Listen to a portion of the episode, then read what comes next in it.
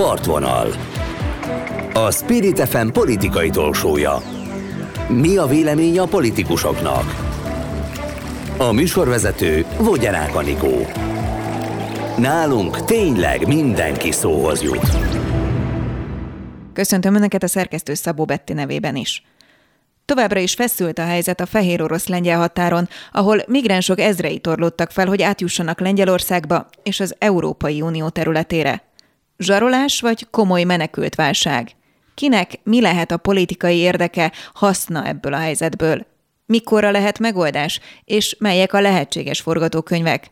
És talán ami a legfontosabb, mi lesz az ott veszteglő emberekkel? Ezeket a kérdéseket vetem fel a mai adásban, elemzünk külpolitikai és biztonságpolitikai szempontból. Partvonal. Szent Iványi István külpolitikai elemző a vendégem. Szép napot kívánok! Szép napot kívánok én is.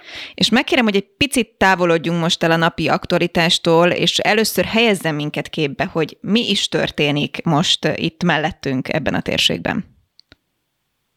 Ugye itt most Belarusról beszélünk, és Lukasenko elnökről, aki már gyakorlatilag 25 éve az ország élén áll, és hát egy a, a, az elemzők szerint kolhoz kommunizmust alapított, vagy hozott létre, egy kor, korábbi TSZ elnökről van szó, aki hát egy autoritár rendszert alapított meg Belarusban, és az minden elnökválasztás után problémák voltak, hogy mindig kiderült az, hogy valamiféle csalás történt, de az elmúlt évben, augusztusban egészen döbbenetes mértékű csalások történtek, a független megfigyelők szerint egyértelmű volt, hogy ezt a választást már nem nyerte meg, hanem az ellenzék jelöltje, Cihanovszkája asszony nyerte meg. Az ő történet is érdekes, mert eredetileg a férje volt a jelölt, már ő is egy esélyes jelöltnek számított, de a férjét letartóztatták és megfosztották az indulás és ekkor a felesége, aki egy, egy tanárnő és korábban ház, háztartásbeli többgyermekes édesanyja, ő indult helyette, és,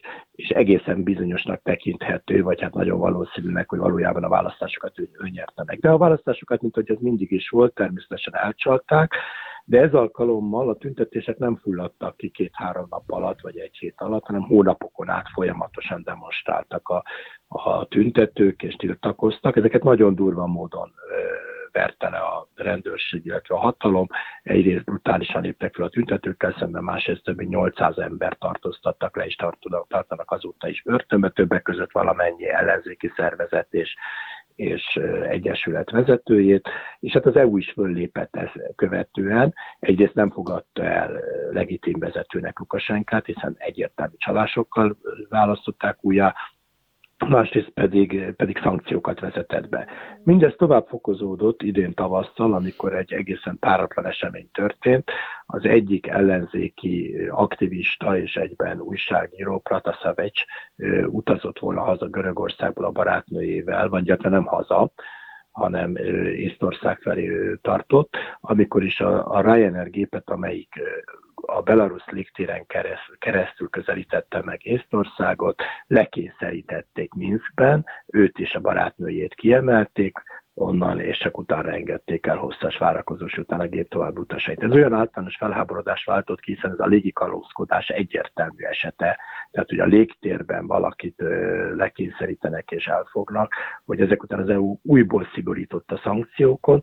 Na most erre ellen csapásként találta ki Lukasenka azt, hogy akkor ő viszont menekülteket fog hm.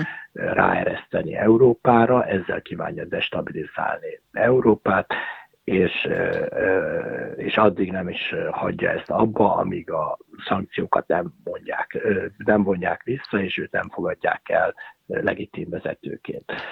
És ez augusztus óta tart, ez a, ez a dolog, tehát kezdetben csak kevesen érkeztek, de később egyre többen jöttek. Csak példaként jelzem azt, hogy még augusztusban heti 17 repülőgép jött Minskbe ezekből a az országokból, tehát itt Törökországról, Irakról, Szíriáról van szó, Damaszkuszról, Bagdadról, és, és a Isztambulról, illetve Ankarából, most már egyébként Dubajból is szállítottak a legutóbbi időben menekülteket. Ezt elsősorban a Belarus légitársaság csinálta, gyorsított eljárásba kaptak vízumot mindazok, akik kérték, és akikről feltételezhető volt, hogy menekültként be akarnak, vagy meredékkérőként be akarnak jutni az Európai Unió területére, de ez azért csatlakozott a török légitársaság is, ki azóta leáll, leállította ezt, és az Aeroflot is. És akkor itt megtaláljuk az eseményeknek a másik fontos szereplőjét, Vladimir Putyint is, akinek ez persze nagyon jól jön, mert minden, ami destabilizálhatja Európát és bizonytalanná teheti, az, az, az ő úgy érzi, hogy az ő pozícióit erősíti, és ebben ő szívesen partner. Hát végén aztán kialakult, kezdetben kevesen voltak a határtérségben, és elsősorban a litván határon próbáltak átjutni, de most arra ez a tömeg, ez már minimum 4000, de inkább 10 ezerre becsülik a szakértők, ugye pontos számok nem állnak rendelkezésre. Ennyi ember van most a hetek óta a Belarus, főleg most a Belarus-lengyel határon van nyomás, de azért a Belarus-litván határon is, akik be akarnak jutni, amennyire föl lehet mérni, nagyon sokan közülük iraki kurdok, az ő esetükben egyébként a menekült kér, kérelem kérdéses is, hiszen Iraknak a legstabilabb része a kurd autonóm terület, és a kurdokat ott igazából üldöztetés nem éri, de az tény, hogy az élet nagyon nehéz, és nagyon nagy a nyomorúság, tehát ők inkább gazdasági bevándorlónak számíthatnak, és hát az, azok is, akik Dubajból érkeznek, hát akik eljutottak már Dubajig, azok alig ha politikai üldözöttek, de jönnek Szíriából is, Törökországból is, mindenhonnan azzal az ígérettel, hogy könnyű átjutni.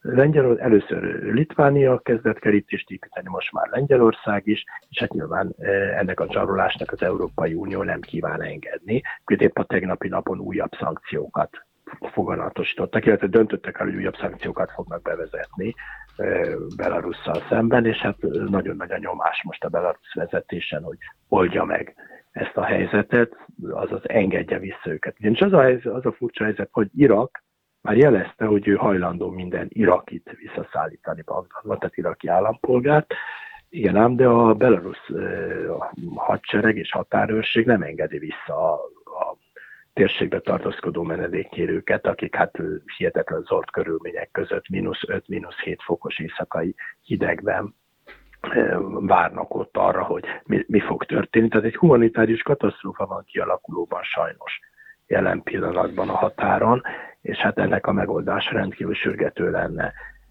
Ebben azonban egy idáig nem sok segítséget mutattak a belarusz vezetők. Tegnap sor került egy 50 perces beszélgetésre Angela Merkel, leköszönő német kancellár és és Lukasenka között, illetve több mint két órás beszélgetés a Macron elnök és Putyin elnök között, és hát most abban reménykedik a világ, hogy ezt talán egy kicsit elő fogja mozdítani a válság enyhítését. Na, politikai szempontból, ha egyáltalán tárgyalások vannak, az akkor azt az üzenetet takarja számomra, hogy komolyan van véve a másik fél is, nem? És egy kicsit azért emlékeztet ez a helyzet a törökországi migránsválságra, amikor, lássuk be, hasonló eszközökkel zsarolta Törökország az uniót, és nekik ez bejött. Pontosan erről van szó. Sajnos ez így van, tehát Törökország is zsarolta az Európai Uniót, azt mondta, hogy addig, ameddig nem kap pénzt, és nem gyorsulnak fel a tárgyalások az európai csatlakozásra, addig ő szabadon engedi a menekülteket, és az Európai Unió meghátrált, tehát először 3 milliárd eurót ajánlott, ezt keveselték, a törökök utána 6 milliárdot kapott, és, eh, és hát ígéretet kapott arra, hogy folytatódni fognak a tárgyalások is. Úgyhogy eh, valóban ez egy minta, és egy veszedelmes minta az Európai Unió számára. Tehát akkor rájöttek ezek az országok, Törökországtól egészen Belarusig, hogy az Európai Unió sérülékeny, és még mindig védtelen és zsarolható ezen a módon. Ez történik most, tehát eh, egyértelmű zsarolásról van szó, azt mondja Lukas, akkor nem is sejti alá, hogy hogy ha nem vonják vissza a szankciókat, és nem ismerik előtt elnöknek, akkor ez bizony folytatódni fog. És ugye Európa azért is van nehéz helyzetben, mert azért az, mert Európa számára az a humanitárius alapértékek azok ma is nagyon fontosak. Nem, igazából nem nézheti tétlenül azt, hogy ott ilyen halljanak, és, és nagyon sokáig szenvedjenek ezek az emberek. Erre játszik rá Belarus, hogy előbb-utóbb valamit tenni kell, ugye az európaiak azt, azt ajánlják, hogy, hogy visszaszállítják ezeket az embereket, de hát az is a probléma, hogy az emberek egy része visszamened őket nem engedik a belaruszuk, a nagy többség azonban valóban nem akar visszamenni, az minden ám Európába akar bejutni, de hát egyőre még nincsenek ellenőrizve, de nagy részük valószínűleg nem számít igazi menekültnek, tehát politikai üldözöttnek, hanem hát sokkal inkább gazdasági bevándorlónak, aki, és ez is persze egy érthető indok, csak Európában jelenleg egy bezárkózás van ezzel szemben, tehát, tehát olyan emberek, akik hát nagyon nehéz körülmények közül szeretnének kiszabadulni, és jobb életreményébe jöttek. Az nem kérdés, hogy Lengyelországnak elkél a segítség. Politikai szempontból milyen üzenetet akar az, hogy ki és milyen szinten áll bele ebbe a helyzetbe? Igen, hát Lengyelország ebben az esetben megkapta az Európai Unió segítségét, annak ellenére, hogy nagyon éles a vita Lengyelország és az Európai Unió között több kérdésben, első a jogállamisági kérdésekben, ez ugye ismert, tehát van a turnovi színbányák kapcsán is büntetéseket szabtak ki rá. Tehát sok konfliktusa van jelen pillanatban Lengyelországnak, de ebben a vonatkozásban az Európai Unió kiállt mellette, segíti, sőt az is felmerült, bár von der Leyen asszony többször kijelentett, hogy erről szó sem lehet, de, komolyan fölmerült, hogy a kerítésépítés, illetve a határvédelem költségeihez is hozzájárulnak. Ezen túl most a Visegrádi országok is azt ígérték, hogy amennyiben Lengyelország ezt kéri, akkor támogatni fogják. Csehország már konkrétan is felajánlást tett hogy, hogy nem csak anyagilag, hanem akár élő erővel is támogatja a lengyel határvédelmet. Tehát van európai szolidaritás. Most a magyar ez az érdekes ebből a szempontból, és látszik a, egy kicsit az avara a magyar külpolitika, külpolitikusok nyilatkozatain, például Szijjártó Péter ebben az ügyben is csak Brüsszel tudta hibáztatni, és hát nem egyetlen szót nem vesztegetett arra, hogy ezt a katasztrófát Lukasenka és a háttérből Putyin idézte elő még az európai nyilatkozatok erre rámutatnak, addig a magyar nyilatkozatokban meg sincs említve ez, de azért azt kimondják, mert ugye a magyar-lengyel barátság is fontos a kormány szempontjából is, hiszen Lengyelországban egy olyan kormány van, amelyikkel nagyon szoros az együttműködés a magyar kormánynak, hogy, hogy ők amennyiben Lengyelország ki segíteni fognak. Ezt még nem lehet tudni, hogy pontosan miben, mint hogy a legújabb szankciókról sem lehet még sok mindent tudni, amit tegnap határoztak el, mert egy munkabizottság fogja kidolgozni, és a hét folyamán fogják ismertetni. Az már valószínűleg tűnik, hogy a Belávia légitársaság leasingelt gépeinek a szerződését felbontják, tehát ők Írországból leasingeltek gépeket, tehát gyakorlatilag visszakövetelik a repülőgépeket, ezzel a Belávia hát gyakorlatilag nem tud működni, ha csak Oroszországból nem kap kiszuperált régi tupójeveket, mert ott abból elég sok van, de azokat meg nem engedik be ma már Európába sehova sem. Lengyelország áldozat egyébként ebben a helyzetben igazából? Bizonyos értelemben igen. Igen, de hát ugye mindenki, aki a külső határokon van, ilyen szempontból bizonyos Magyarország, és az ki van téve egy, egy veszélynek. Na most itt van egy, van egy természetes folyamata a migrációnak, amikor emberek maguktól indulnak el, az egy teljesen más helyzet, mint amikor politikai eszközként, sőt azt mondhatom, hogy politikai fegyverként használják a migrációt. Jelen pillanatban erről van szó, hogy Lukasenka nyíltan, és a háttérből Putyin pedig burkoltan, de politikai eszközként próbálja. Most már egyértelműen elsősorban Lengyelország ellen irányítani, hiszen közismert, hogy a lengyel-orosz viszony az, az rendkívül feszült. Hova vezethet mindez? Hogyha igazából itt azért viszonylag egyszerűbb a kérdés, mint annó Törökország esetében volt. Ott azért így voltak kedvezmények, amiket tudott adni, az Unió. Itt körülbelül, ha jól értem, akkor egyértelmű, vagy elismeritek az új elnököt, vagy nem. És innentől kezdve akkor engedjük a menekülteket, vagy nem. Tehát mi a tárgyalási alap egyáltalán? Mi lehet egy köztes megoldás? Egyelőre az Unió szerintem nagyon helyesen a zsarolásnak nem enged, sőt, hát a tegnapi napon újabb és szigorúbb szankciókról döntöttek, tehát szerintem ez a helyes, mert egyszer elfogadhatatlan az, hogy valaki zsaroljon. Hát, hogyha ez, ez sikeres lesz, mint hogy ugye beszéltünk róla a törökországi sikeres zsarolási kísérlet, bátorítólag hatott Lukasenkára is, akkor egyre többen léphetnek fel ezzel az igényel, akár adott esetben Szerbia, ez ugye minket is közvetlenül érint, mondhatja egy ponton túl, hogy ő bizony.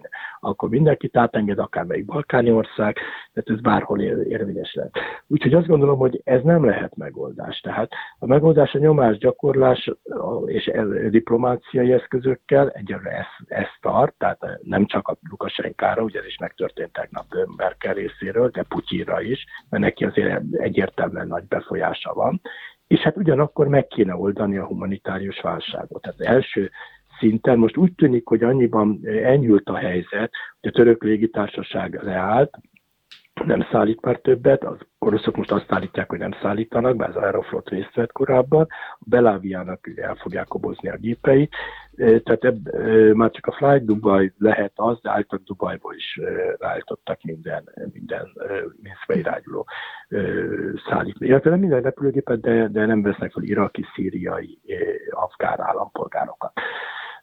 Úgyhogy, úgyhogy valószínűleg a újabb menekültullámos átmenetileg nem lesz, legalábbis nem nagyon reméljük. Most azt kéne megoldani, hogy mi van azzal a minimum 4000, de egyesek szerint 10 ezer emberrel, akik most ott az erdőben vannak és várják, hogy a sorsok elrendeződjön. Van egy olyan terv, hogy Ukrajnába kapnának rész, átmeneti oltalmat, normális emberi körülmények között, befogadói táborokban, és akkor ott megtörténne a szétválasztása a, a menedékkérőknek abból a szempontból, hogy ki az, akit valóban politikai üldöztetés és ilyen módon megilleti a menedékjog Európában. Utána megint más kérdés, hogy melyik ország hajlandó vállalni.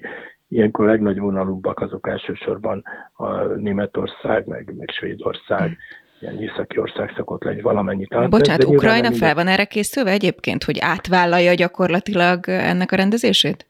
Hát itt igen, itt megint az a veszély, hogyha most ezt a tízezret átteszik, ezt valószínűleg olyan értelemben egy ideig át tudja vállalni, ami megtörténik ennek az ellenőrzés, és aki nem, azt, azt pedig vissza kell szállítani. De most ez egy nagyon nehéz dolog, ezt tudjuk jól, hogy a, a kitoloncolások vagy a visszaszállítások azok nagyon nehezen mennek, egyrészt nem is nagyon akarják visszafogadni. Ideig egyedül Irak nyilatkozott, hogy mindenkit visszafogad, de csak iraki állampolgár természetesen.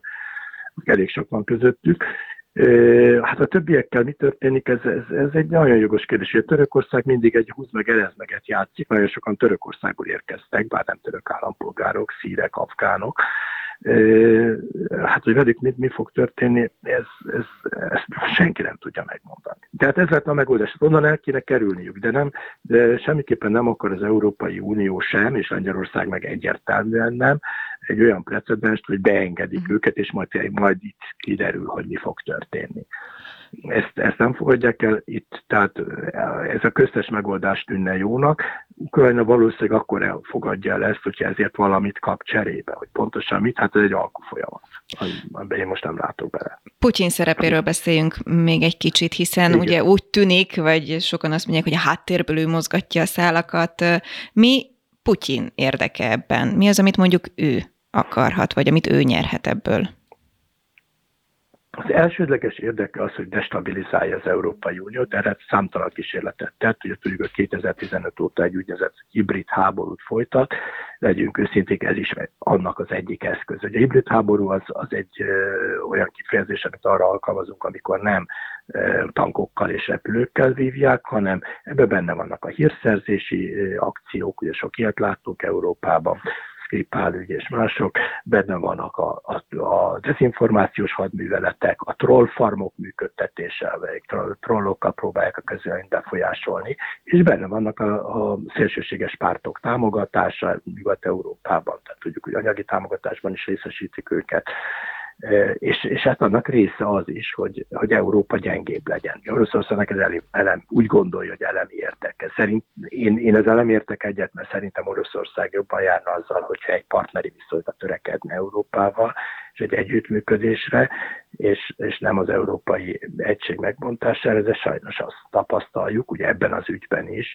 meglehetősen furcsa Oroszország szerepe, tudjuk, hogy az Aeroflot is részt vett ebben, tudjuk, hogy, hogy Putyin elnök nagyon fenyegetően lépett föl egyébként, amikor kialakult a konfliktus, két stratégiai bombázót, ami azt jelenti, hogy nukleáris bombákat szállító bombázót állandó készenlétbe helyeztek, és a, a, a Belarus végtérbe vezényeltek, tehát láthatóan Ugye jelen pillanatban is egy nagy csapat összevonás zajlik Lengyel, Ukrajna határán, amiről nem lehet tudni pontosan milyen célt szolgál. Egyesek attól tartanak, hogy itt a zavarost ki akarja használni, és amíg itt Európa küzdik a menekültekkel, addig Ukrajnában akar újabb célt foglalni, vagy ott akar egyértelmű helyzetet teremteni.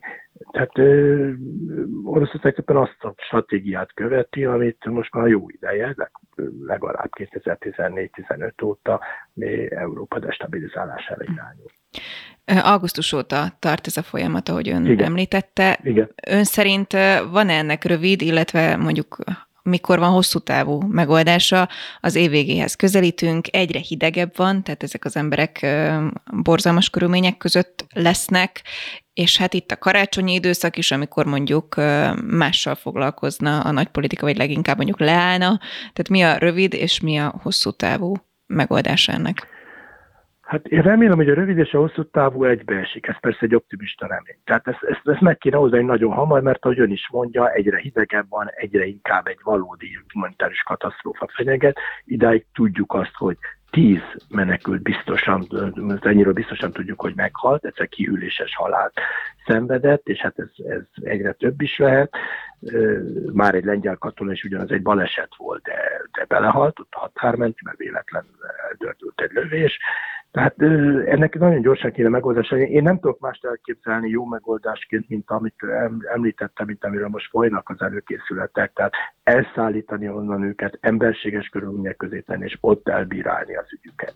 És hát nagy nyomás alá helyezni Lukasenkát, hogy ne újítsa föl. Most úgy tűnik, hogy az elmúlt egy-két nap eredménye az, hogy megszűnt az utánpótlás szállítása, tehát nem hoznak már be több új menedékkérőt a határterületre, viszont nem engedik vissza azokat sem, akik ott vannak. Tehát itt abba, arra kell kényszeríteni őket, hogy engedjék át, és persze meg kell állapodni Ukrajnába, hogy legalább átmenetileg vegye át az ő felügyeletüket, amíg az Európai Unió szét tudja választani ki az, aki be, bebocsáthat, és ki az, akit, akit viszont vissza kell szállítani a, oda, hát ha lehet. De ezt ugye elsősorban most még csak Irakban lehet, mert ők, ők maguk is felajánlották, és már egy képet küldenek is azért, hogy az irakiak visszatérhessenek. Szent Iványi István, külpolitikai jellemző. Köszönöm szépen, hogy érthetővé tette a folyamatot. Köszönöm. Én is köszönöm szépen a lehetőséget. Köszönöm. Partvonal. Tarjányi Péter biztonságpolitikai szakértő, üdvözlöm. Üdvözlöm a hallgatókat, kezicsokolom. És akkor a külpolitikai elemzés után, amelyet az első fél órában hallhattak a hallgatók, kérem, hogy biztonságpolitikai szempontból nézzük ezt a kérdést. Most éppen mi történik a szomszédban? Igazán az a baj, hogy ez az egész válság egyre jobban eszkalálódik, és egyszerűen az látszódik, ami ilyen biztonságpolitikai szempontból leginkább rémálom, hogy egyre jobban egymásnak feszülnek a felek. Tehát egyre inkább nehezebb vagy nehézkessé válik a tárgyalásos megoldás. Egyszerűen pestésen szólva mindenki elment a, a, a, a falig, tehát tulajdonképpen az már nem kérdés, és nem titok, hogy, hogy ezt az egész menekült válságot Fehér Oroszország és Fehér Oroszországon keresztül Oroszország generálta, tehát ez egy mesterségesen előidézett helyzet.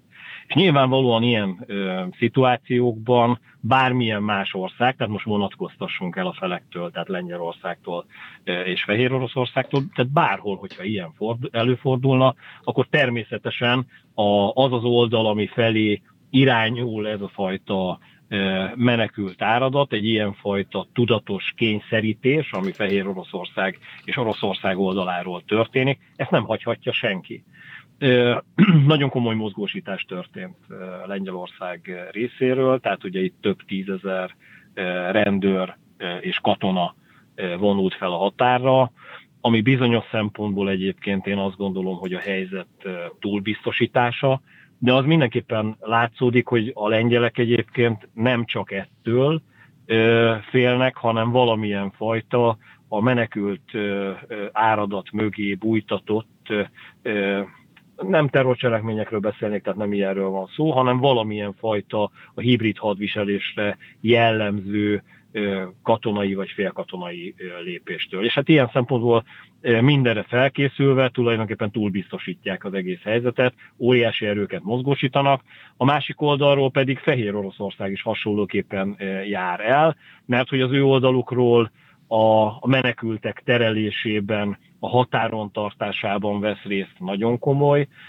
erő, és hát abban is, és a, hat, a határon tartás ez azt is jelenti, hogy egyszerűen azokat az embereket, akik vissza akarnának menni, vagy el akarnának menni a, a határtól, tulajdonképpen visszatartják, és ott tartják a térségben, hogy ezt a fajta feszültséget növeljék, és nyomás alá helyezzék Lengyelországot. És hát ezt fejelte még meg ami a hibrid hadviselésnek ugye egy része most már, a gazdasági erőfölény, vagy a gazdasági nyomásgyakorlás, ami nyilvánvalóan Oroszország és Fehér Oroszország részéről a gáz áramlatok ellenőrzése és egyébként azzal való fenyegetőzés, hogy a gázcsapokat úgymond elzárják, tehát innentől kezdve Lengyelország és Lengyelországon keresztül Európa egy része is nagyon-nagyon nehéz helyzetbe tud kerülni. és egy ilyen egymásnak feszülés látszódik a határon, lövések is dördültek már, ugye a rendfenntartása érdekében vannak olyan hírek is, hogy egy lengyel határőr vagy katona az életét vesztette. Tehát, hogy, hogy ebben a helyzetben egyszerűen, ahogy eszkalálódik a, a válság, egyik pillanatról a másikra a feszültség, ahogy nő, bármikor robbanás közeli helyzetbe kerülhet a, a, a térség, és egyszerűen egymásnak feszülhetnek a, a, a felek. Mit jelent ez a robbanás közeli helyzet? Van olyan sajtóorgánum, aki kifejezetten már arról ír, hogy Fehér Oroszország háborút indított Lengyelországon keresztül az EU és a NATO ellen. Ez egy eléggé sarkos megfogalmazás, tehát ezzel nem értek egyet. Az biztos, hogy az elmúlt évek antidemokratikus lépései miatt, az elcsalt fehér orosz választás miatt, a, a választások utáni megtorlás miatt, amiben emberek haltak meg Fehér Oroszországban. Bevezetett Európai Uniós szankciók egyre jobban fájnak egyébként Fehér Oroszországnak. Ez az egyik oldala.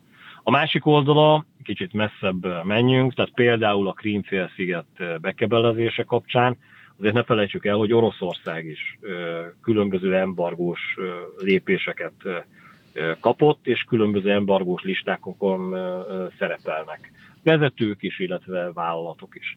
Nyilvánvalóan ebben a helyzetben, ami egyre inkább fájó, nem annyira Oroszországnak, tehát az Oroszország, vagy tehát, le, tehát Oroszország azért eléggé jól kezelte úgymond ezt a fajta gazdasági problémát, de Fehér Oroszországnak ez nem megy, tehát nincs akkora mozgástere lehetősége, mint Oroszországnak.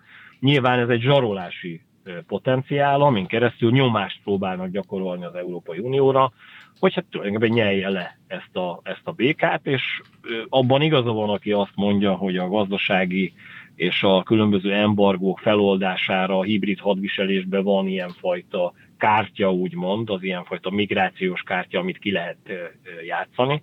Ezt egyébként valahol például Törökországban is láthattuk.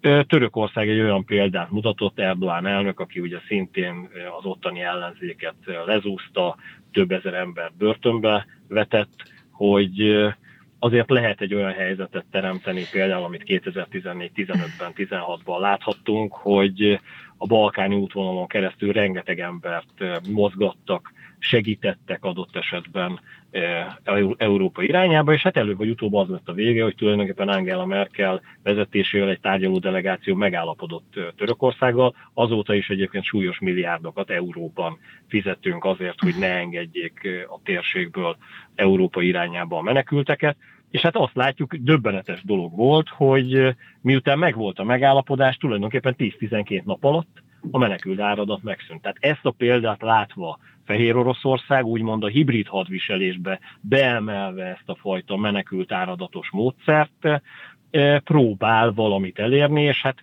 ez ilyen nem, nem katonai, de nem is diplomáciai lépés, hát ezért hívják ezt hibrid hadviselésnek, amiben így a kettő peremén lavírozva el akarnak valamilyen célokat érni. Ezek elsősorban külpolitikai, gazdaságpolitikai dolgok, amin keresztül azt szeretnék elérni, hogy Európa elfogadja azt, amit Fehér Oroszország az elmúlt években tett. Ahogy említette, ugye Törökországot én is hoztam hasonlatként az előző fél órában a külpolitikai szakértővel való beszélgetésben. Mi a garancia arra, hogyha Törökországnak sikerült ez a zsarolás, akkor majd most Lukasenkának nem sikerül? Nézd, azért ebből tanultunk. Tehát most csak, ha, most bocsánat, hogy egy kitérőt teszek, de szerintem a hallgatók érteni fogják, hogy, hogy Törökország példájából tanulva, például amikor Afganisztánban látszódott az, hogy a, a tálibok térnyerése hihetetlen intenzitású, és, és nagy valószínűséggel az afgán kormányzat összeomlik, tulajdonképpen az Európai Unió migrációhoz kapcsolódó szakértői és szervezetei első pillanattól kezdve megjelentek a térségben, és nem csak Törökországban. Tehát például Pakisztánban is, és főleg Iránban, és azért az ő munkájuknak köszönhetően, nekik is, tehát hozzáteszem, tehát nem csak nekik, azért az ottani menekült áradat milliós nagyságrendjét a térségben lehetett tartani. És hát a másik oldalról azért ebből a módszerből most megint csak pestiesen tudom mondani, tehát hogy tanultunk, tehát hogy, hogy ugye szokták azt mondani, hogy egyszer mindenkit át lehet verni, a második átverésnél azért az embereknek, embernek is van felelőssége, hogyha nem ismerte azt a dolgot föl. Tehát a fehér orosz kormányzatnak az a fajta meglepetésszerű előnye, ami 2015-ben, 16-ban Erdoğan elnöknek megvolt, ez azért elpárolgott. Tehát, hogy ezt a módszert már ismerjük. És ezért van az, hogy az Európai Unió nem hagyja magát, és nem kíván ennek a, a zsarolásnak engedni, nem is szabad. Pontosan azért nem szabad engedni, mert hogy akkor, akkor innentől ezzel, ezzel mindenki próbálkozhat. És itt van, én azt gondolom, amiben elszámolta magát a fehér orosz kormányzat, és egyébként Oroszország is.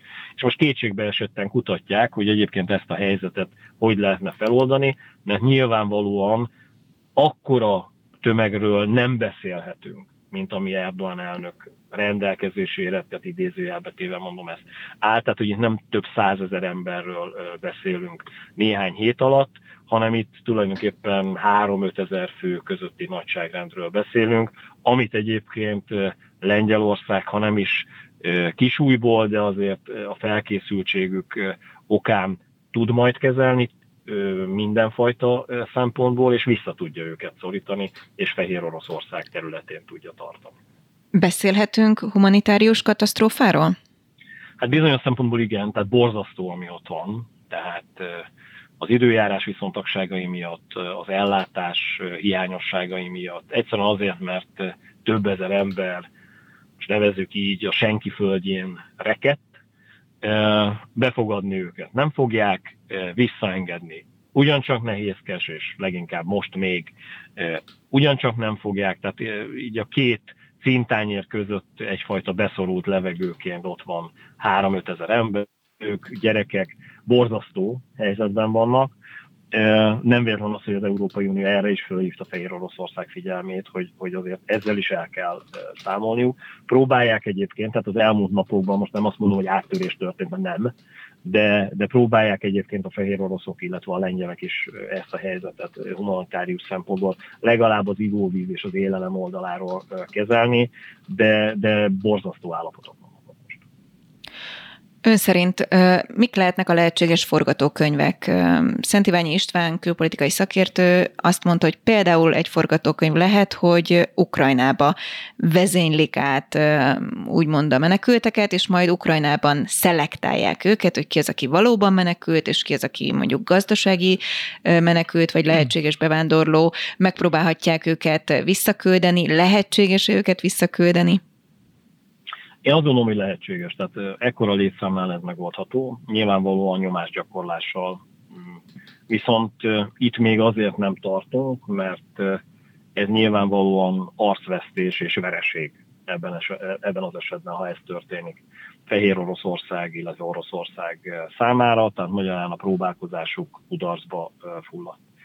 Én azt sem gondolom, hogy az ukránok annyira rugalmasak lennének ebben a történetben, és egyfajta ilyen megoldás gyártóként, most én csúnyán fejeztem ki magam, beszállnának ebbe az egész válságba. Ugye a tegnapi nap folyamán hír volt, hogy az ukrán határőrség vagy határvadász erők vezetése jelezte, hogy abban az esetben, ha megpróbálkoznak áttörni ezek a menekültek Ukrajna irányában, ők attól sem zárkóznak el, hogy adott esetben a fegyvereiket használják. Tehát én azt gondolom, hogy az, ez mit jelent? eléggé kemény Hát, hogy adott esetben, ha nekiesnek ezek a menekültek az ukrán határőröknek, akkor fegyvert használnak velük szemben.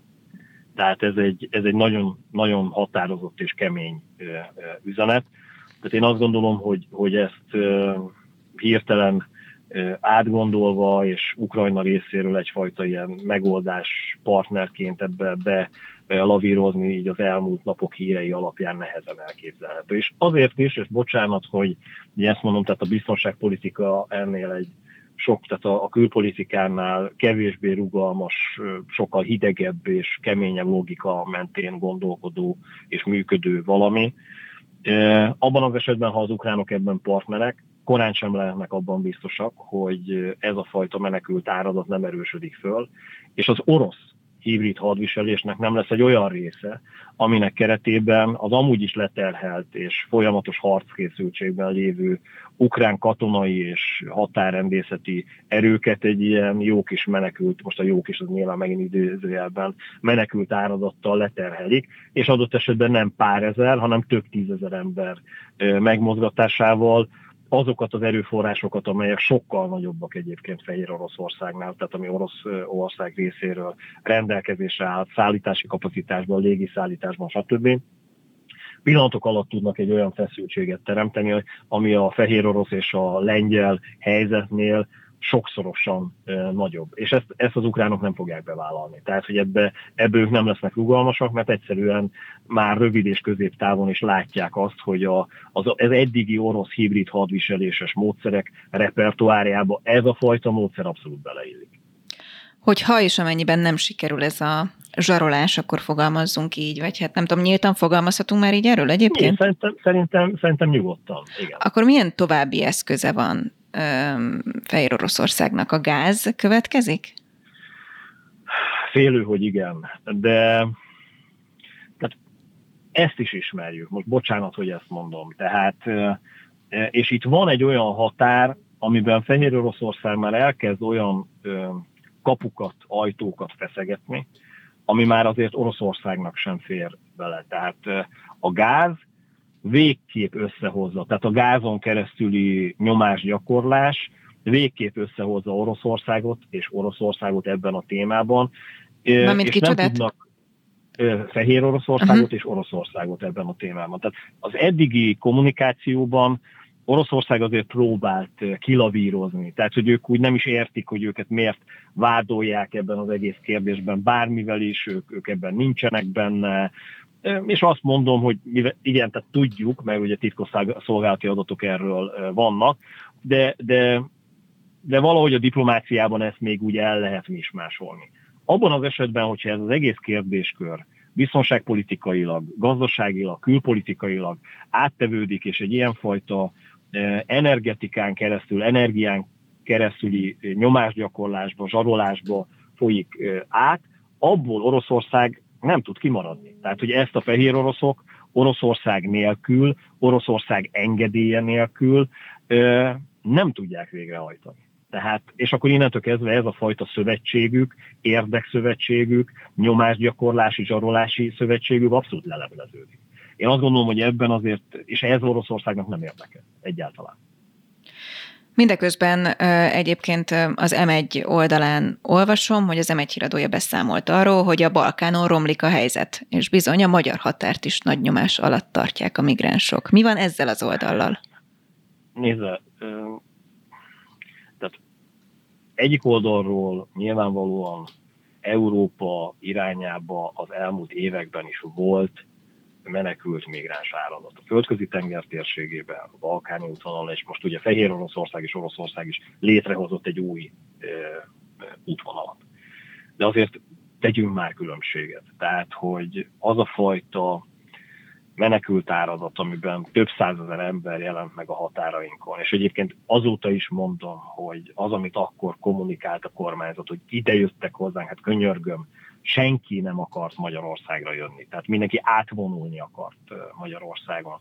És Nyugat-Európa volt a célpont, és tegyük hozzá, és ez így, ez így igaz, hogy mi átengedtük, sőt szállítottuk őket. Hát emlékezzünk vissza, hogy a, a BKK járatai lettek a határa, tehát a budapesti közlekedési vállalattól lettek átcsoportosítva autóbuszok meg a volántól, és azok szállították ezeket az embereket Magyarországon keresztül. Tehát az a fajta helyzet, amit láttunk 2015-16-ban, nincs, tehát még egyszer mondom, nincs négyszer aláhúzva a Balkánon. Tehát, hogy az, amit itt elmondanak, és az, amit folyamatosan kommunikációban súlykolnak nap mint nap, hogy ugyanaz a helyzet várható, látható a határon, ez tényszerűen nem igaz.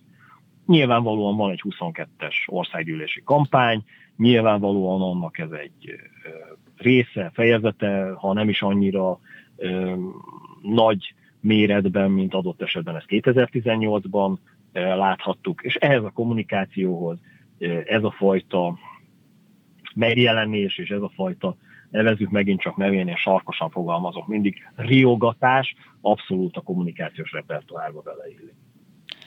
Mindeközben ugye a lengyelországi mm, helyzet az úgy tűnik, hogy nem riogatás. Tehát ott, hogyha a menekültek oldaláról nézzük, akkor humanitárius szervezetek ugye felhívják arra a figyelmet, hogy jön a tél, ott ráadásul ez, ez talán még erősebb. Mi lesz ezekkel az emberekkel?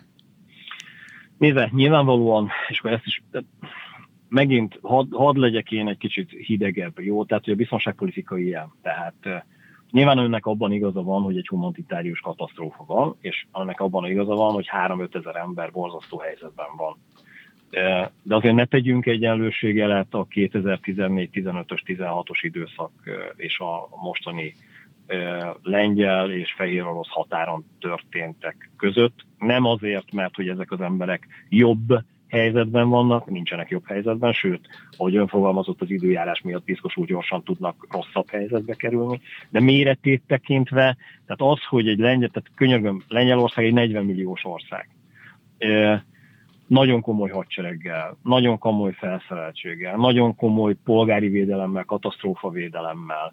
Az, hogy egyébként a lengyelek és a fehér oroszok közösen ha szükséges, és tényleg ott sajnos az a baj, hogy most már azért tucatnyinál több 15 vagy 20 ember azért meghalt ott a, a térségben, tehát megfagytak, betegek voltak, stb. De hogyha ilyen fajta helyzet állna elő, tehát óriási létszámban, akkor egyébként nem egy nagy mozgósítás szükséges ahhoz, hiszen már a helyszínen lévő erők mindkét oldal részéről képesek arra, hogy ezeket az embereket megmentsék. Az a baj, és ezt értse, az a borzasztó, és ezért van igazuk a civileknek, hogy, hogy egyszerűen döbbenetes azt nézni, hogy két ország hatalmi egymásnak feszülése miatt három-öt ezer ember tulajdonképpen egy saktáblán szinte semmi.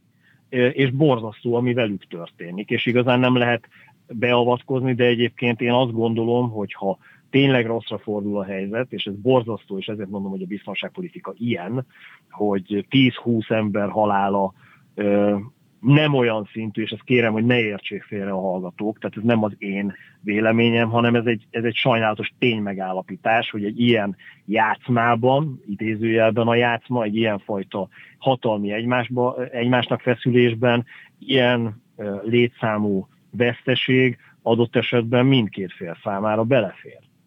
És egyszerűen az, amikor ez átbillen és nagyobb probléma lenne, akkor egyébként az a borzasztó azoknak, akik egyébként már elhunytak, hogy egyébként ezt a helyzetet, ha akarják, a felek pillanatok alatt meg tudják oldani.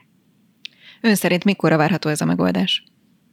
Nem tudom, tehát hogy ezt teljesen őszintén mondom olyan nagyon-nagyon sokáig nem lehet húzni, tehát én nem gondolom, hogy ez ilyen több hónapos, vagy legalábbis remélem. Tehát én abban bízom, hogy az elkövetkező maximum 10-12 napban ez az egész válság záródik. Én nagyon-nagyon szeretném, és nagyon hiszek ebben. Egyszerűen azért, mert, mert azoknak az embereknek a, a léte ettől a megoldástól függ. És és gyerekekről, nőkről beszélünk, családokról, férfiakról, idősekről, senki nem juthat a világon, és nem lehet ez a bolygó olyan hely, ahol el kéne fogadnunk azt, hogy egy hatalmi játszma mentén adott esetben egy senki földjén 3-5 ezer ember így végezne. Ezt nem engedheti a világ. Tarjányi Péter, biztonságpolitikai szakértő. Köszönöm szépen a beszélgetést. Köszönöm szépen a lehetőséget. Partvonal. Ez volt a Partvonal, a szerkesztő Szabó Betti nevében is köszönöm a figyelmet, legközelebb egy hét múlva, kedden este hétkor várjuk Önöket. Partvonal.